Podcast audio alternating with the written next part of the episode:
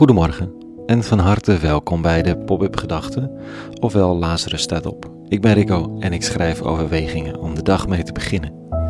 Vandaag met de titel Dat je er even geen gat meer in ziet. Pop-up Gedachten donderdag 24 juni 2021. In 1966 schrijft een voorvechter voor de vrede, een activist tegen de gruwelijke inzet van jonge mensen in de oorlog in Vietnam, priester Jim Forrest, aan zijn vriend en mentor dat hij er even geen gat meer in zit. Ik moet toegeven dat ik in een nogal sombere stemming ben, zo begint hij. Ik wil niet wanhopig klinken. Ik heb dit werk van ons nog niet opgegeven, maar ik voel me echt als een mier die een klif beklimt. En nog erger, want in de verte lijkt het geraas van een lawine te klinken. Er is geen uitgang, dus ik doe geen moeite om erheen te zoeken. Ik zal verder werken. En er zijn de reddende momenten, de reddende vriendschappen, de kunstenaars. Er is in feite het geloof. Daar zit een mier die een klif beklimt. Ik heb overigens wel minder vertrouwen in mijn inzet dan in de mier die een klif beklimt. Zie ik zo'n mier bezig, dan denk ik, die komt er wel met eigen inzet, is dat maar zeer de vraag. Maar zo'n naderende lawine is wel inderdaad het einde verhaal.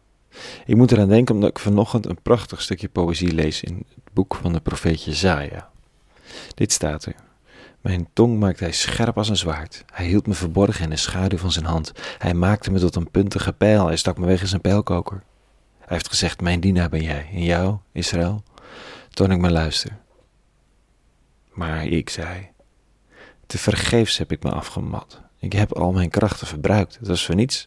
Het heeft geen zin gehad. Daar ben je dan. Bewust van je eigen mogelijkheden. Anderen zien je kwaliteit en de bijdrage die je zou kunnen leveren. Of jouw gemeenschap of bedrijf. Maar voor het überhaupt tot wasdom komt of werkelijk impact heeft, ben je al uitgeput, afgemat, krachten verbruikt. Je ziet er geen gat meer in. Of dat nu gaat over de relatie die je hoopt dat het ooit nog plaats zou vinden het gevecht tegen de bierkaai van het onrecht of de spoken uit het verleden. Je zit er soms doorheen. Zoals de mensen in Jezaja en ja ook Jim Forrest, de priester en de vredesactivist. Dan schrijft de briljante monnik Thomas Merton hem in ronde bewoordingen terug. Beste Jim, ik kan je gevoel van wanhoop goed begrijpen. En je kunt wel raden dat ik geen magische oplossingen heb voor sombere stemmingen. Als ik die had, zou ik ze gebruiken voor mijn eigen stemmingen die gewoonlijk ook behoorlijk somber kunnen zijn. Wel nu, het eerste is dat je dit soort reacties periodiek moet doormaken. Het moet leren verwachten en ermee moet leren omgaan als het komt. Geen dingen doen die bespoedigen zonder noodzaak. Deze dingen komen sowieso wel. En dan dit. Wees niet afhankelijk van de hoop op resultaten. Wanneer je het soort werk doet dat je op je hebt genomen, in wezen apostolisch werk, zul je misschien het feit onder ogen moeten zien dat je werk schijnbaar waardeloos zal zijn. En zelfs geen enkel resultaat zal opleveren, zo niet misschien zelfs resultaten die tegengesteld zijn aan wat je verwacht. Naarmate je aan dit idee wendt, begin je meer en meer te concentreren niet op de resultaten, maar op de waarde, de juistheid, de waarheid van het werk zelf. En ook daar moet heel wat doorstaan worden, want geleidelijk aan vecht je steeds minder voor een idee, en steeds meer voor bepaalde mensen. Het bereik wordt kleiner, maar het wordt veel reëler. Uiteindelijk is het, zoals je zelf terloops opmerkt, de realiteit van persoonlijke relaties die alles redt. U streeft er waarschijnlijk naar om jezelf een identiteit op te bouwen in uw werk en getuigenis.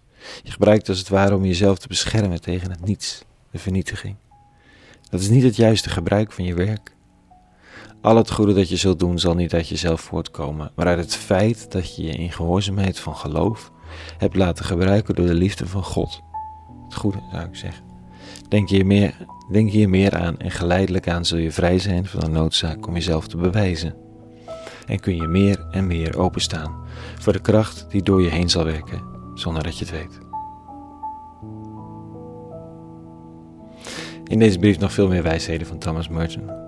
Niet het resultaat van het werk zelf, zegt hij. Niet de slogan, maar de mens. Met wie en voor wie je vrede zoekt. En niet voor jezelf namaken, maar je mee laten voeren in God of het goede dat zich wil uitdrukken in de wereld. En mijn gestoet haspel daarin wellicht kan gebruiken. Dank u wel, Thomas. Zo kan ik weer even. Tot zover vanochtend. Een hele goede donderdag gewenst. En vrede. En alle goeds.